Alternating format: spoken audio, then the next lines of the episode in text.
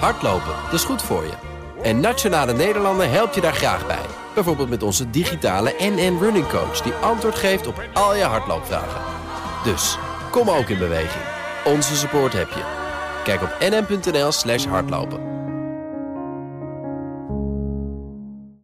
BNR Digitaal wordt mede mogelijk gemaakt door Incentro. Een IT-bedrijf. BNR Nieuwsradio. BNR Digitaal. Herbert Blankenstein. Welkom bij BNR Digitaal. Vandaag vanaf de opening van datacentrum AM4 van Equinix op het Science Park in Amsterdam. Een centrum met een hectare aan vloeroppervlak in een prachtig nieuw futuristisch ogend gebouw. We staan op de Startup Village. Hier zitten allerlei IT-startups en die kunnen dus profiteren van de nog betere digitale bereikbaarheid van Amsterdam. Het is de laatste BNR Digitaal van dit seizoen en we gaan het hebben over ransomware. Je kunt zelf veel doen om schade te voorkomen, maar Microsoft neemt ook maatregelen voor gebruikers van Windows 10. Dat hoor je allemaal zo. Mijn backup is vandaag start-up consultant Maarten Nijkens. Welkom. En we beginnen met het technieuws. Daarvoor is hier Ivan Verrips. Ivan, hoi. Hoi. Uh, dat Bixby, de slimme assistent van Samsung, is vertraagd. Dat wisten we al. Maar we weten nu ook, tenminste jij weet het, waarom dat zo is. Ja, die nieuwe Samsung eh, Galaxy S8 die heeft een speciale knop waarmee je Bixby kan activeren. Alleen als je dat nu doet, dan doet hij eigenlijk niks. Tenzij je Koreaans spreekt. Nou, dat is bij mij niet zo heel goed ontwikkeld. Want in het Engels doet die knop dus helemaal niks. Want Bixby is nog niet af. En er is nu dus een verklaring voor. Het bedrijf heeft niet genoeg data verzameld om Bixby goed te kunnen laten functioneren. En data zijn zo belangrijk. Nou, precies. En ook best gek, want uh, van dit probleem had ik nog nooit gehoord bij Apple en bij Google en bij Amazon, die ook allemaal slimme assistenten hebben. Ja. Maar bij de Koreanen was dat blijkbaar toch wel een probleem. Maar Samsung zit niet in de business van data, hè? En dat nee. is met een aantal van die jij net noemt wel zo. Precies. En met deze audio kan ik niet zo heel veel. 내일 날씨 알려줘. 화요일 날씨는 대체로 맑겠습니다. 예상 최고 기온은 26도입니다. Dus ja, ik ben echt wel afhankelijk van Engels of Nederlands. Ja. Want Koreaans, dat uh, gaat me niet worden. Uh, dus het is nog geen niet bekend wanneer het dan wel gaat komen. Oké. Okay. Een populair Chinees computerspel zet een limiet op hoe lang jonge kinderen kunnen spelen. Is tegen zijn eigen belang, zou ik zeggen. Best wel. Het gaat hier om het spel Honor of Kings. Dat is in China een heel populair spel. Maar zo populair dat ouders en leraren begonnen te klagen bij de uitgever van het spel. Want het liep gewoon de spuitgaten uit. Kinderen zaten de hele dag dat spel te spelen. En dus heeft de uitgever maatregelen genomen. Inderdaad best bijzonder. Gebeurt niet vaak. Kinderen tot 12 jaar kunnen maximaal 1 uur per dag spelen. En als je tussen de 12 en de 18 bent, maximaal 2 uur per dag. Moet je wel je leeftijd eerlijk opgeven. Ja, zat ik ook aan te denken. Uh, vroeger, als je naar de website van allerlei biermerken ging... moest je ook zelf je leeftijd opgeven. Nou, Misschien zijn kinderen in China Toen ik onder de 18 was, deed ik het ook niet altijd. hoor. Nee. Uh, in Europa bestaat het spel niet. Dus je hoeft niet gelijk naar de telefoon van je kinderen... om het daar nou van af te halen. Uh, het komt er wel aan, onder een andere naam. Strike of Kings gaat het hier Oké, heten. Dus dat even opletten. Als het op de telefoon van je kind staat... misschien eventjes kijken hoe dat gaat. Hou je kinderen in de gaten. En er is weer een stap om te nemen voordat de zelfrijdende auto er daadwerkelijk komt. Het herkennen van dieren gaat niet altijd even goed. Ja, dat is een probleem dat in Nederland uh, niet heel erg speelt, maar wel in Australië. Want daar hebben ze kangoeroes. En die kom je hier niet zo heel veel tegen. Want wat blijkt, de zelfrijdende auto's van Volvo... die kunnen die kangoeroes niet herkennen. Dat komt door het hoppen van die dieren. uh, en als ze in de lucht zijn, in die paar seconden of nog eens... lijkt het voor de auto alsof ze verder weg zijn. Maar dat zijn ze dus niet. Dus dat is heel erg Bij andere dieren werkt dit, let op, Animal Detection System wel. Maar bij kangoeroes dus nog niet. Nou ja, er wordt aan gewerkt. Het is natuurlijk een kwestie van ontwikkelen. Dat zal in, in de loop der tijd ook wel gewoon gefixt worden. Maar uh, nou ja, goed om te weten in ieder geval. Kangoeroes moet je even opletten. En in 2021 moeten die zelfrijdende auto's van Volvo op weg. Heel spannend. Dankjewel, Ivan Verrips. BNR Nieuwsradio. BNR Digitaal. Locky, WannaCry, Petya, Non-Petya. Allemaal ransomware en het is een nachtmerrie voor elke computergebruiker. Je kunt zelf heel veel doen om ransomware te voorkomen... maar Microsoft draagt ook zijn steentje bij. Tenminste voor gebruikers van Windows 10. En daar ga ik over praten met Thijs Hofmans, freelance journalist... en oprichter van, let op, ransomwareverwijderen.com. Hoi, Wat doen jullie op ransomwareverwijderen.com? Uh, wij geven tips uh, hoe je ransomware moet voorkomen. En we hebben een stappenplan over wat je moet doen als je ransomware hebt. Hoe je daar vanaf moet komen. Um, en we geven nieuws en achtergronden over wat ransomware nou precies is. Want het is zo'n zo'n evoluerende tak van uh, malware. Ja, ja. oké, okay, we hebben het over wat Microsoft doet voor ons. Ja. Hoe ze bestanden beveiligen. Ze komen met een functie die ze Controlled Folder Access noemen. Wat is dat? Nou, je kunt in principe straks in Windows 10 aangeven in een update... Uh, dat je bepaalde mappen wil beschermen tegen ransomware. En uh, die mappen die worden zo uh, ingericht dat als een externe app of een extern programma... daar veranderingen aan probeert te maken... dan blokkeert eh, Windows dat. En dan zeggen ze van, hé hey, joh, dit is niet de bedoeling. En dan krijg je daar een melding van. En dat zou moeten helpen tegen ransomware. Ja, hadden ze dat misschien niet al veel eerder moeten doen? Ja, misschien wel. Maar goed, het, is natuurlijk al, het duurt even voordat zo'n functie er is. En ransomware is nu echt een opkomend probleem. En uh, ja, ja. daar moet er nu wel een keer uh, iets aan gedaan worden. Ja. ja. Even kijken naar mijn backup, Maarten Nijkes. Wat doe jij eigenlijk zelf tegen ransomware? Nou, ik heb het ooit... Nou, volgens mij is ransomware al best wel lang uh, bezig trouwens. hoor. Ik heb het lang geleden al een keer gehad. Zo'n uh, screenlocker die uh, allemaal geld aan me ging vragen.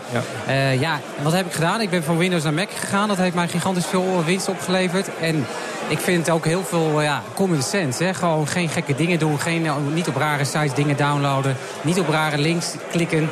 Ik heb er eigenlijk daardoor nooit last van. En ik denk dat veel mensen zich toch een beetje laten verleiden door iets wat too good to be true is. En die klikken weer iets, die weer een gratis film down of wat dan ook. Ja. En dan loop je een risico. Ik help je hopen dat het zo blijft bij jou thuis. Um, Oké, okay, uh, Thijs Hofmans. Uh, Microsoft uh, doet dus dat controlled folder access. Dan kunnen alleen toepassingen die gewitelabeld zijn nog bestanden openen. Maar dat, ja. ja. dat geeft toch weer een extra horde in het computergebruik. Ja, misschien wel. Maar je moet altijd de afweging maken tussen wat veilig is en wat praktisch is. En ja, soms moet je inleveren op een van de twee. Maar ik denk dat het overigens wel meevalt hoor. Dat... Ik kan me voorstellen dat dit ook heel tijdelijk is. Hè? Dat er hier ook weer ransomware op gaat komen die hierop gaat inspelen. Ja, waarschijnlijk wel. Het is echt een kat-en-muisspel inderdaad. Waarbij ja. je zegt van ja, iedere nieuwe preventie, daar wordt weer een omweg voor gevonden. Ja, en wat Microsoft doet, is dat niet al beschikbaar in de vorm van losse toeltjes die je op internet kunt krijgen? Ja, klopt. Dat bestaat al wel, ja. Ja. Maar goed, het, het, het, zegt wel wat als een miljardenbedrijf zoals Microsoft daar zelf ook uh, achteraan gaat. Dat toont ook wel aan dat ze ja. er heel serieus naar kijken. Ja, ja, ja. En wat raad jij computergebruikers dan aan? Gebruik het standaard onderdeel van Windows dat we straks hebben. Of gebruik deze of gene app die je online kunt krijgen. Gebruik dit van Microsoft. Uh, die tooltjes, ja, ik, het, het, is, het is een beetje een doekje voor het bloeden. Dus ik zou het niet doen. Ik zou deze tool gebruiken, maar vooral backups maken, backups maken. En dan nog een keer backups maken. uh, en leer hoe je phishing mails moet herkennen. En uh, wat Maarten net ook al zei, van, ja, gebruik common sense. Ja, dat is helder. Um, dit is een uitkomst voor mensen uh, die Windows 10 gebruiken. Als je ja. nou Windows 8 of 7 hebt, ik heb het maar niet over XP... maar stel je hebt Windows nee. 8 of Windows 7, wat dan? Dan, moet, je, dan moet je toch die uh, losse toeltjes waarschijnlijk installeren. Ja, uh, en belangrijker nog, ook dan backups maken inderdaad. Maar ja. ja. dan ben je inderdaad voor dat soort dingen aangewezen op andere programma's. Ja. Nou, heb jij dus ransomwareverwijderen.com. Ik heb me dat altijd afgevraagd. Je kunt backups maken, dan kun je je bestanden terugzetten... als, als je ransomware zou krijgen. Ja. Hè? Maar als je dat doet, dan heb je nog steeds die ransomware. Of niet dan? Ja, nou ja, het is een combinatie van, uh, van factoren. Je moet inderdaad niet zomaar je backups terugzetten. Maar eerst zorgen dat je een goede virusscanner gebruikt. Uh, vervolgens terugzetten naar een herstelpunt. Uh, ja, even alles nee, maar de, de vraag die, waar ik van jou een antwoord op wil is... hoe krijg je ransomware weg? Jij weet dat. Ja, door, uh, door een goede antivirus eroverheen te gooien en uh, te hopen dat die werkt. En je computer ja. terugzetten naar een herstelpunt. Oh ja, en daarna, pas, en ja. daarna je backups pas terugzetten. Zodat je zeker weet dat je infectie ook echt weg is. Ja, ja, ja. maar geen enkele methode werkt gegarandeerd. Hè? Want uh, ze zijn vaak juist zo gemaakt dat ze onder de radar van de normale virusscanners ja, blijven. Ja, klopt. En dan kom je weer terug bij dat kat-en-muisspel. Ja, vaak worden ze nog niet opgemerkt door, door virusscanners. En dat levert wel eens problemen op, ja. Ja, ja. Uh, is een virusscanner nog iets wat je echt nodig hebt als computergebruiker? Ja, ik vind van wel. Maar zeker in Windows 10 heb je gewoon standaard Windows Defender erin zitten. En dat is niet helemaal zaligmakend. Maar voor de meeste doorsnee gebruikers is dat goed genoeg om ransomware grotendeels tegen te houden. Ja, ja. Veel ransomware. Maarten, zijn er uh, mensen in jouw omgeving die ransomware hebben gehad? Ja, vast wel. Uh, ik, ik, je hoort mensen natuurlijk niet zo vaak over. Want het is eigenlijk, als ik heel even ben, een beetje gênant. Hè? Want als je daarna denkt hoe je eraan komt, is het eigenlijk altijd iets stoms geweest. Dus ik hoor mensen er eigenlijk nooit over. Maar tuurlijk, en je ziet het nu natuurlijk heel veel in het ja. nieuws. Het, ik ben met, je, met een spreker hier eens dat het nu echt een versnelling neemt. En dat er ook heel veel geld mee wordt verdiend. Maar ja, ik blijf bij gewoon common sense gebruiken. Net als op marktplaatsen. Daar kun je ook opgelicht worden. Nou, daar word je ook slimmer in. Nou, ransomware is hetzelfde verhaal. Matthijs zegt, je kunt leren phishing mails te herkennen. Is dat echt zo? Ik heb ook wel eens mensen hier te gast uh, gehad die zeggen... je gaat vroeg of laat, voor de, als, als iemand echt jou wil laten klikken op een of andere enge link dan lukt het ze. Vroeg ja, heel veel, heel veel phishing mails die worden gewoon in bulk eruit gestuurd... in de hoop dat jij toevallig Ziggo hebt. Maar als ik heel specifiek op één persoon iets ga sturen... ja, dan kun je dat heel overtuigend maken. En dan, dan kan ik zorgen dat er iemand intrapt, ja. Ja, ja, ja wat, het punt dat ik wil maken is En uh, ingaande op wat Maarten net zei, je hoeft je niet te schamen hè, als het Nee. je overkomt. En dit is ook een belangrijke, want heel veel mensen doen na afloop geen aangifte meer. Omdat ze bijvoorbeeld zich schamen omdat ze op gekke websites zijn geweest... of iets doms hebben gedaan, of ze denken dat het geen zin heeft. Daar gebeurt natuurlijk ook niks mee. Laten we eerlijk zijn, de politie die weet hier ook helemaal niks vanaf. En die gaat hier echt geen actie voor Het is ondernemen. een ki- het is een kip en, ei, Helaas. kip en ei verhaal. Omdat ze denken van ja, omdat zo weinig mensen eh, aangifte doen... heb je ook niet echt een duidelijk beeld van hoe groot het probleem nou echt is. Als dat beeld er is, dan kan daar misschien meer geld naartoe naar die opsporing. Maar inderdaad, de opsporing blijft wel achter. Nog even kort samenvatten, eh, Thijs. Je zegt backup, backup, backup. Ja. Ehm, verder? Eh, herstelpunten aanmaken automatisch. Ehm, en leer hoe je phishing mails moet herkennen. Ja. En zorg dat je updates downloadt voor je besturingssysteem. De updates, die waren we nog even vergeten. Oké, dankjewel, Thijs Hofmans. Graag gedaan. Massa's professionele... Dat bedoel ik. Massa's professionele video's tot speelfilms en commercials aan toe... worden tegenwoordig gefilmd met een smartphone. Maar dan heb je eigenlijk wel wat extra accessoires nodig. Daar hoor je zo meer over. BNR Nieuwsradio. BNR Digitaal. De beste foto- en videocamera die je kan wensen... heb je waarschijnlijk gewoon bij je in je broekzak. Maar wat extra hardware kan je foto's en video's stukken beter maken... zag redacteur Ivan Verrips. The picture I showed you before, this was taken on an iPhone 7 Plus. Elke nieuwe telefoon maakt natuurlijk de allerbeste foto's ter wereld. En daar adverteren de fabrikanten maar wat graag mee. Maar zo mooi als de foto's in de reclame zijn, krijg jij ze natuurlijk nooit. Zijn die plaatjes eigenlijk wel echt geschoten met de daadwerkelijke telefoon in kwestie? Well, the answer is technically yes, but often with some heavy adaptation. A lot of times you can get a perfect shot out of a smartphone with just the camera handheld in perfect conditions, no problem. But that's pretty rare, and you can often guarantee a much better shot if you have a little gear with you. Gear dus. Extra hardware die kan helpen bij het maken van dat ideale plaatje. Tech-YouTuber Marques Brownlee vertelt dat je het simpel kan houden. Je smartphone in een houder doen, of een selfie-stick gebruiken... of je gaat over de top. Smartphone on a tiny drone, smartphone on a much bigger drone, smartphone attached to a cine lens with a wireless follow focus, on a gimbal attached to a motorized remote control four-wheeled skateboard. Trouwens, wel een beetje flauw om te adverteren met al die perfecte plaatjes... terwijl je de bijbehorende gear om die plaatjes te maken niet krijgt. Maar There is, luckily for us, quite a bit of dope tech that can uh, bring a lot of that down to the consumer level and help us maximize our smartphone camera. wat is er zo al te krijgen dan? Lens adapter systems out there exist to add another layer to that. So there's a bunch of different styles out there, clip-on versions, bumper versions. This one I've grown to like the most is the moment lenses. It does require a case which acts as the lens mount, and then these tiny cine lenses mount to the case to change the field of view, the focal length, and the capabilities of this camera entirely. Ideaal voor het maken van foto's. En natuurlijk, laten we eerlijk zijn, een echte digitale spiegelreflexcamera wint het altijd. Maar hey, het is wel handzamer en goedkoper.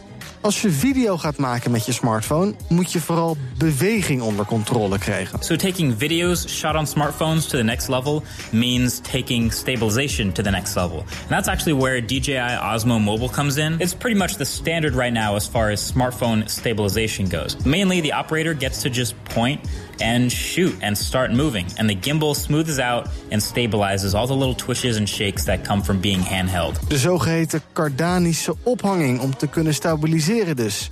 Absoluut onmisbaar. So bottom line is all this tech exists to help you take your smartphone photo and video game to the next level. Yes, a dedicated camera will definitely do a better job, but your smartphone cameras will always be at your side, they'll always be smaller, and they will always be cheaper. So while it might not seem super practical to actually go out and be able to shoot those commercial level crazy high-end videos that people are doing with technically smartphone sensors on crazy rigs and jibs and stuff like that, it's also a lot of fun to try to maximize what you can do with the tech that's in your pocket right now. En het hele filmpje van Marcus Brownlee vind je op het vertrouwde adres bnr.nl slash digitaal. BNR Nieuwsradio. Herbert Blankenstein. Het Hoge Rechtshof in Canada heeft besloten dat rechtbanken in dat land zoekresultaten van Google kunnen laten verwijderen. Niet alleen voor Canada zelf, maar wereldwijd. En dat is bijzonder, want dan kan een Canadese rechtbank dus besluiten over wat ik in Nederland te zien krijg. En wat Canada mag, mag bijvoorbeeld Saoedi-Arabië dat dan niet ook. Daar ga ik over praten met Nick Vught, jurist bij Law Fox. Hartelijk Hoi, welkom in de uitzending. Het is een bijzondere uitspraak, hè? want eigenlijk was Google niet eens partij. Inderdaad. Kun je uitleggen waar de zaak zelf eigenlijk over ging? Ja, het is een hele opmerkelijke uitspraak. Er zijn eigenlijk twee dingen heel opmerkelijk. De eerste is inderdaad dat Google geen partij was bij, de, bij het eerste geschil eigenlijk. Het ging tussen een merkhouder en eh, een partij die inbreuk zou hebben gemaakt op het merk. Eh, degene die inbreuk zou hebben gemaakt, die was niet echt te traceren, kwam niet opdagen. Eh, Dat is merkwaardig. Ja, dat is Ja. merkwaardig, ja. Eh, en toen eh, heeft de rechtbank besloten dat eh, Google dan maar de zoekresultaten moet verwijderen. Heeft Google toen vrijwillig gehoor aangegeven ook. Alleen voor de Canadese Google. En niet wereldwijd. Eh, ja. toen in hoger beroep is Google wel echt partij bij het geschil geworden.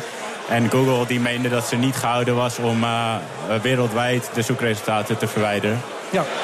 Ja. En nou heeft een eh hoge rechtshof, in welk land dan ook... eh, ja, het is eigenlijk het eindstation, hè? Ja. Dus eh, zit er voor Google nou niks anders op dan zich daaraan te houden? Eh, nou ja, het is een Canadese uitspraak. Google is natuurlijk gevestigd in eh, de Verenigde Staten. Ja. Eh, dus het is eh, de vraag hoe, of dit vonnis eh, ten uitvoer kan worden gelegd in de Verenigde Staten. Dat weet ik eerlijk gezegd niet. Ik had wel eh, al een paar eh, blogs gelezen van eh, juristen uit Canada. En die gingen er wel vanuit dat Google aan dit arrest gehoor zou geven.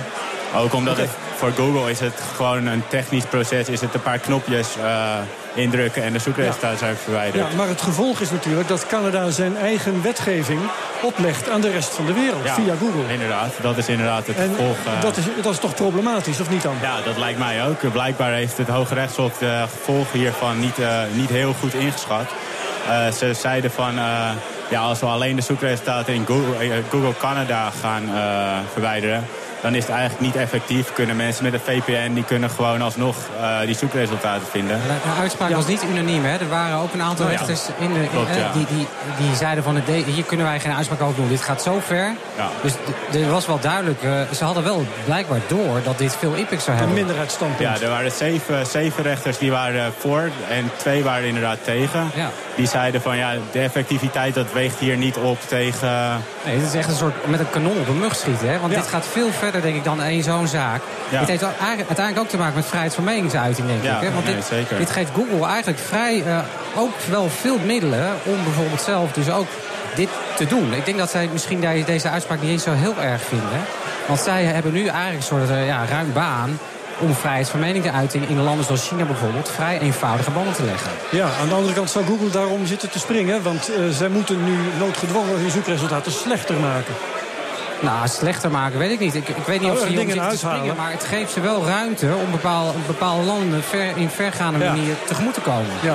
En daar zullen ze wel eh, baat bij kunnen hebben, denk ik. Ja. Nick, ehm, is er een precedent voor zoiets? Is het al eens eerder voorgekomen? Nee, niet dat ik weet dat er echt eh, een nationale rechter over heel het internet eh, wereldwijd eh, uitspraak doet. Op Ja. basis van nationaal recht in dit geval. Maarten, jij adviseert start-ups. Wat zou jij een start-up in dit geval adviseren? Hou je in vredesnaam maar aan de wet van Saoedi-Arabië, want die komen straks misschien ook. Nee, absoluut niet. Ik vind deze uitspraak ook echt bizar, moet ik zeggen. Ik was echt, eh, ik was er echt van geschrokken. Ik denk ook echt dat. Ik ben ook heel benieuwd hoe deze eh, inderdaad eh, in de praktijk gaat uitpakken. Maar ik zou je absoluut niet aan vol, eh, voldoen. Wat je hier natuurlijk wel gaat zien, dit, dat dit pas gaat spelen als je al wel in vergaand conflict bent. Hè? Want dit is wel een, een rigoureuze maatregel. Dus Ja. als je als start-up al dit, met deze uitspraak geconfronteerd gaat worden, dan is er al wel wat gebeurd. Ja, ja dus gewoon je gang gaan en Tuurlijk, pas ja. maatregelen nemen als je Sowieso tegen hier niks mee doen. Ik denk ook überhaupt in de praktijk dat dit gewoon onuitvoerbaar is. Ja, ja, ja. En eh, Nick Vrucht, ehm, de burgerrechtenbewegingen in eh, Noord-Amerika in elk geval zijn al aardig in het geweer gekomen. Die zeggen, ja, moord en brand, eh, gevaar voor de online vrijheid. Mee eens? Ja, zeker, zeker. Ja. Ja. je hebt in het eh, internationaal privaatrecht waar dit onder valt, heb je de term forum shopping. Dat betekent dat je, als er meerdere nationale rechten gevoegd hebt, eh, zijn, dat je dan gaat kijken bij welke rechter je de meeste kans hebt op een gunstige uitspraak. Dat is wat ze in de Verenigde Staten doen met patentwetgeving. Hè? Daar gaat, gaat iedereen naar East Texas. Ja, nee, Ja. precies. En dan kan je nu kan je, eh, kijken bij welke rechter eh, in welk land de vrijheid van meningsuiting het strengst wordt beperkt. Ga je daar naartoe en dan eh, kunnen ze wereldwijd de zoekresultaten Ja, verwijderen. ja. Wat een mogelijke uitweg is misschien trouwens voor ons gebruikers...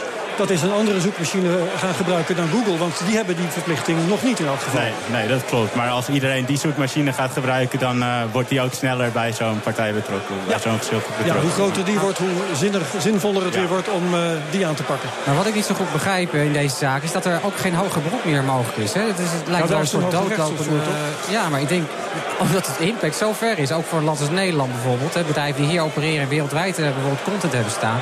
Die, worden nu, uh, ja, die, die kunnen hier eigenlijk dan bij, wijze van spreken niks meer tegen doen. Of begrijp ik nee. dat verkeerd? Nee, dat klopt. Dit is uh, de hoogste rechter in Canada. Dus, in, in principe, Canada, hè? Ja. Ik, denk, ik ja. weet het niet hoor.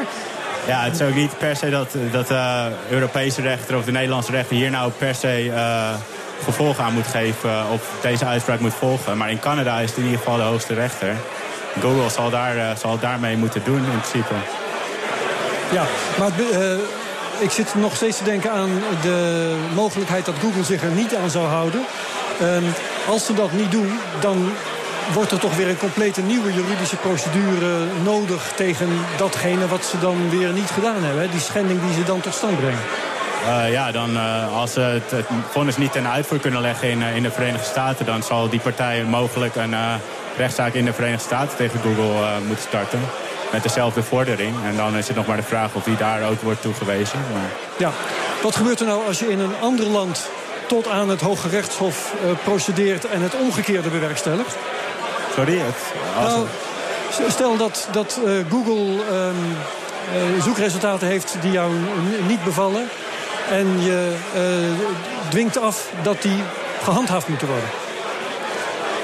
Uh, dus dat Iemand is... dwingt af dat ze gehandhaafd moeten worden. Dat is natuurlijk wat ik bedoel. Uh, ja, dus dat zoek, zoekresultaat dat Google eigenlijk niet wil tonen, maar dat ze... dat... Zoekresultaten die ze weg moeten halen van Canada... Ja. dat je ze verplicht om die te handhaven. In Nederland bijvoorbeeld? Bijvoorbeeld. Ja. Nou ja, ik had maar dan wel... wel weer voor alle gebruikers ter wereld.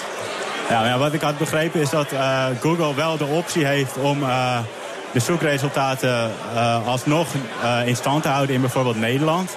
Alleen dan moeten ze eerst bewijzen dat het verwijderen van die zoekresultaten in strijd is met Nederlands recht. Oké, okay, dus er is een, nog een kleine optie. Ja, maar een dan klein zal... uit, ontsnappingsluikje.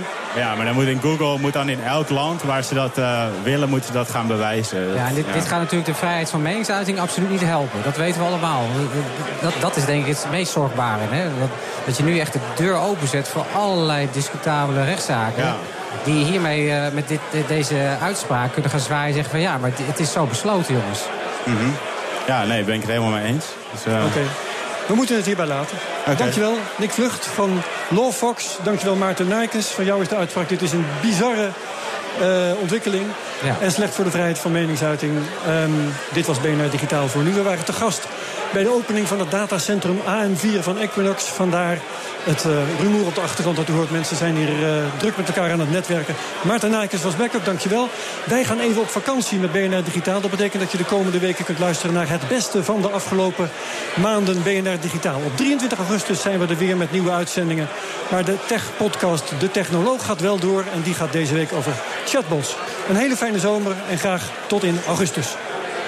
BNR Digitaal wordt mede mogelijk gemaakt door Incentro, een IT-bedrijf. Hardlopen, dat is goed voor je.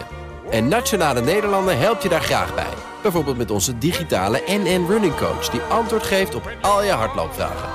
Dus, kom ook in beweging. Onze support heb je. Kijk op nn.nl slash hardlopen.